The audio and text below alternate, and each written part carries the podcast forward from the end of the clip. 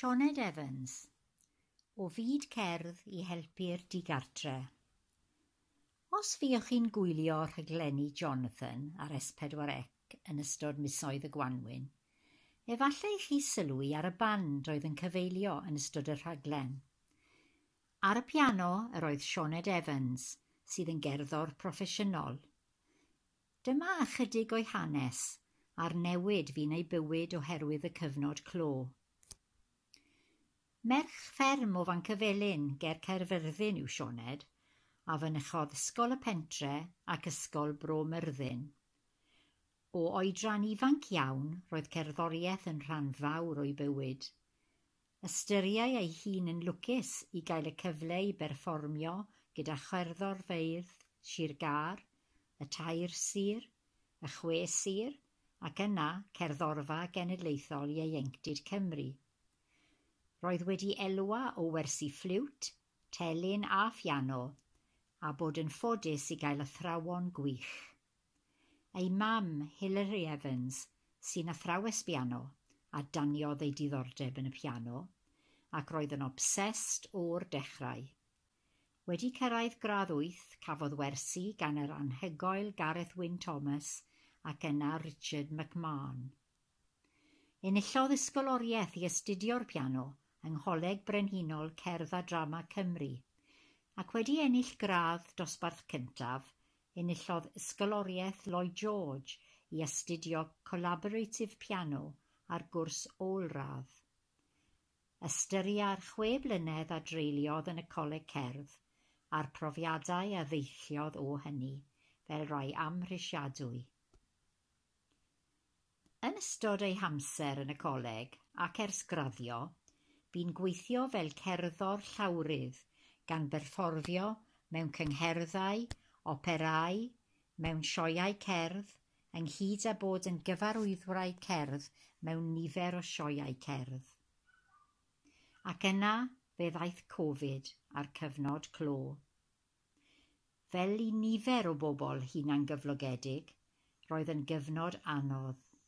Dros nos, collwyd misoedd o waith ac yn sgil hynny, misoedd o dal. Roedd yn anodd iawn gwybod beth yw'n wneud nesaf ac am ba mor hir i aros i bethau fynd nôl i normal eglurodd. Ar ôl deufis o aros a sylwi bod pethau yn mynd i gymryd tipyn hirach i ddod nôl i normal, dechreuodd chwilio am swyddi. Cafodd swydd gyda'r elusen pobl sy'n gweithio gyda'r digartre Lleolwyd ei swydd Swyddog Cymorth yn Llanelli mewn llety cymorth peder awr ar hugain i bobl ifanc digartref a bregus. Roedd yr hostel oedd yn darparu llety i bobl ifanc digartref yn brofiad hollol newydd i Sioned ac yn agoriad llygad ar sut mae'r system ddigartref yn gweithio. Roedd yr ieuenctid yn ddigartref fel arfer achos bod ei perthynas gyda'i teuluoedd wedi torri lawr, a dyma oedd ei lloches. Roedd yn ofynnol iddi aros dros nos yn y llety gyda'r bobl ifanc, ond yn drist iawn oherwydd cyfyngiadau Covid, roedd yn rhaid iddyn nhw aros yn eu hystafelloedd a pheidio â chymdeithasu. Fel rhan o'r prosiect yr oedd Sioned yn rhan ohono, byddai yn cynnu cymorth wrth geisio creu dyfodol gwell i'r bobl ifanc a'i paratoi i allu byw yn annibynnol. Oherwydd cyfyngiadau Covid, doedd hi ddim mor hawdd i ddysgu sgiliau bywyd arferol, ond rhan o waith Sioned oedd helpu a hyfforddi'r bobl ifanc ar sut i fancio a delio gyda materion ariannol ar-lein. Eu cynorthwyo wrth lenwi ffurflenni, megis ymgeisio am swyddi neu gyrsiau coleg a chyrsiau galwedigaethol. Hefyd roedd yn rhaid iddi wneud yn siŵr fod y rhai mewn swyddi neu yn dilyn cwrs coleg yn barod i adael yn brydlon yn y boreau. Ar ôl misoedd o ymestyn y cytundeb, penderfynodd Sioned adael y prosiect fis Mai eleni, am ei bod yn teimlo bod angen iddi ail-afael mewn ceisio gwneud bywoliaeth drwy gerddoriaeth. Ar hyn o bryd, mae hi nôl yn gweithio'n hunan gyflogedig ac yn hapus i fod yn medru gwneud y gwaith mae'n ei garu. Mae'r dyddiadur mhell o fod yn llawn, ond mae gwaith yn dod i mewn yn ara bach. Mae hi hefyd newydd hyfforddi fel hyfforddwraig stand-up paddleboarding ac yn gobeithio bod yn brysur dros yr haf ac yn gweddio am dywydd braf. Cafodd y cyfnod clo effaith fawr ar ei bywyd, ond yn sgil hynny, cafodd brofiadau hollol wahanol a wnaeth ehangu'n fawr ei hymwybyddiaeth o fywydau ei ieuenctid bregus. Diolch iddi am fodloni i rannu ei phrofiadau. Sioned Evans O fyd cerdd i helpu'r digartre Os fiwch chi'n gwylio rhaglenni Jonathan ar S4C yn ystod misoedd y Gwanwyn, efallai chi sylwi ar y band oedd yn cyfeilio yn ystod y rhaglen. Ar y piano yr oedd Sioned Evans, sydd yn gerddor proffesiynol – Dyma ychydig o'i hanes a'r newid fi'n ei bywyd oherwydd y cyfnod clo. Merch fferm o Fancyfelyn ger Caerfyrddin yw Sioned, a fynychodd Ysgol y Pentre ac Ysgol Bro Myrddin. O oedran ifanc iawn, roedd cerddoriaeth yn rhan fawr o'i bywyd. Ystyriai ei hun yn lwcus i gael y cyfle i berfformio gyda chwerddorfeydd, sir Gar, y tair sir, y chwe sir ac yna cerddorfa genedlaethol ieuenctid Cymru. Roedd wedi elwa o wersi ffliwt, telyn a ffiano a bod yn ffodus i gael athrawon gwych. Ei mam, Hilary Evans, sy'n athrawes piano a daniodd ei diddordeb yn y piano, ac roedd yn obsessed o'r dechrau. Wedi cyrraedd gradd wyth, cafodd wersi gan yr anhygoel Gareth Wyn Thomas ac yna Richard McMahon.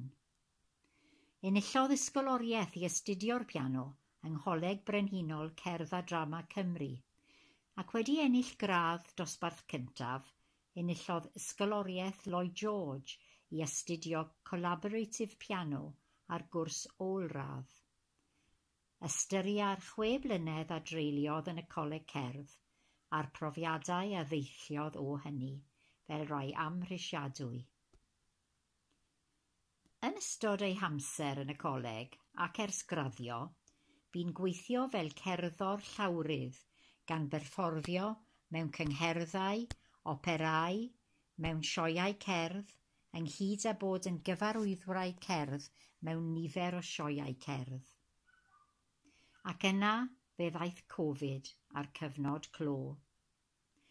Fel i nifer o bobl hunan gyflogedig, roedd yn gyfnod anodd. Dros nos, collwyd misoedd o waith, ac yn sgil hynny, misoedd o dal. Roedd yn anodd iawn gwybod beth i'w wneud nesaf ac am ba mor hir i aros i bethau fynd nôl i normal eglurodd. Ar ôl davies o aros a sylwi bod pethau yn mynd i gymryd tipyn hirach i ddod nôl i normal, dechreuodd chwilio am swyddi. Cafodd swydd gyda'r elusen pobl sy'n gweithio gyda'r digartre. Lleolwyd ei swydd, swyddog cymorth, yn Llanelli mewn llety cymorth peder awr ar hugain i bobl ifanc digartre a bregus. Roedd yr hostel, oedd yn darparu llety i bobl ifanc digartref, yn brofiad hollol newydd i Sioned, ac yn agoriad llygad ar sut mae'r system ddigartref yn gweithio. Roedd yr ieuenctid yn ddigartref fel arfer achos bod ei perthynas gyda'i teuluoedd wedi torri lawr, a dyma oedd ei llwches. Roedd yn ofynnol iddi aros dros nos yn y llety gyda'r bobl ifanc, ond yn drist iawn oherwydd cyfyngiadau Covid roedd yn rhaid iddyn nhw aros yn eu hystafelloedd a pheidio a chymdeithasu. Fel rhan o'r prosiect yr oedd Sioned yn rhan ohono, byddai yn cynnig cymorth wrth geisio creu dyfodol gwell i'r bobl ifanc a'i paratoi i allu byw yn annibynnol. Oherwydd cyfyngiadau Covid, doedd hi ddim mor hawdd i ddysgu sgiliau bywyd arferol ond rhan o waith Sioned oedd helpu a hyfforddi'r bobl ifanc ar sut i fancio a delio gyda materion ariannol ar-lein. Ei cynorthwyo wrth lenwi ffurflenni megis ymgeisio am swyddi neu gyrsiau coleg a chyrsiau galwedigaethol. Hefyd roedd yn rhaid iddi wneud yn siŵr fod y rhai mewn swyddi neu yn dilyn cwrs coleg yn barod i adael yn brydlon yn y boreau. Ar ôl misoedd o ymestyn y cytundeb, penderfynodd Sioned adael y prosiect fis Mai eleni, am ei bod yn teimlo bod angen iddi ail afael mewn ceisio gwneud bywoliaeth drwy gerddoriaeth. Ar hyn o bryd, Mae hi nôl yn gweithio'n hunan-gyflogedig ac yn hapus i fod yn medru gwneud y gwaith mae'n ei garu. Mae'r dyddiadur mhell o fod yn llawn, ond mae gwaith yn dod i mewn yn ara bach. Mae hi hefyd newydd hyfforddi fel hyfforddwraig stand-up paddleboarding ac yn gobeithio bod yn brysur dros yr haf ac yn gweddio am dywydd braf. Cafodd y cyfnod clo effaith fawr ar ei bywyd, ond yn sgil hynny cafodd brofiadau hollol wahanol a wnaeth ehangu'n fawr ei hymwybyddiaeth o fywydau ei ienctid bregus. Diolch iddi am fodloni i rannu ei phrofiadau.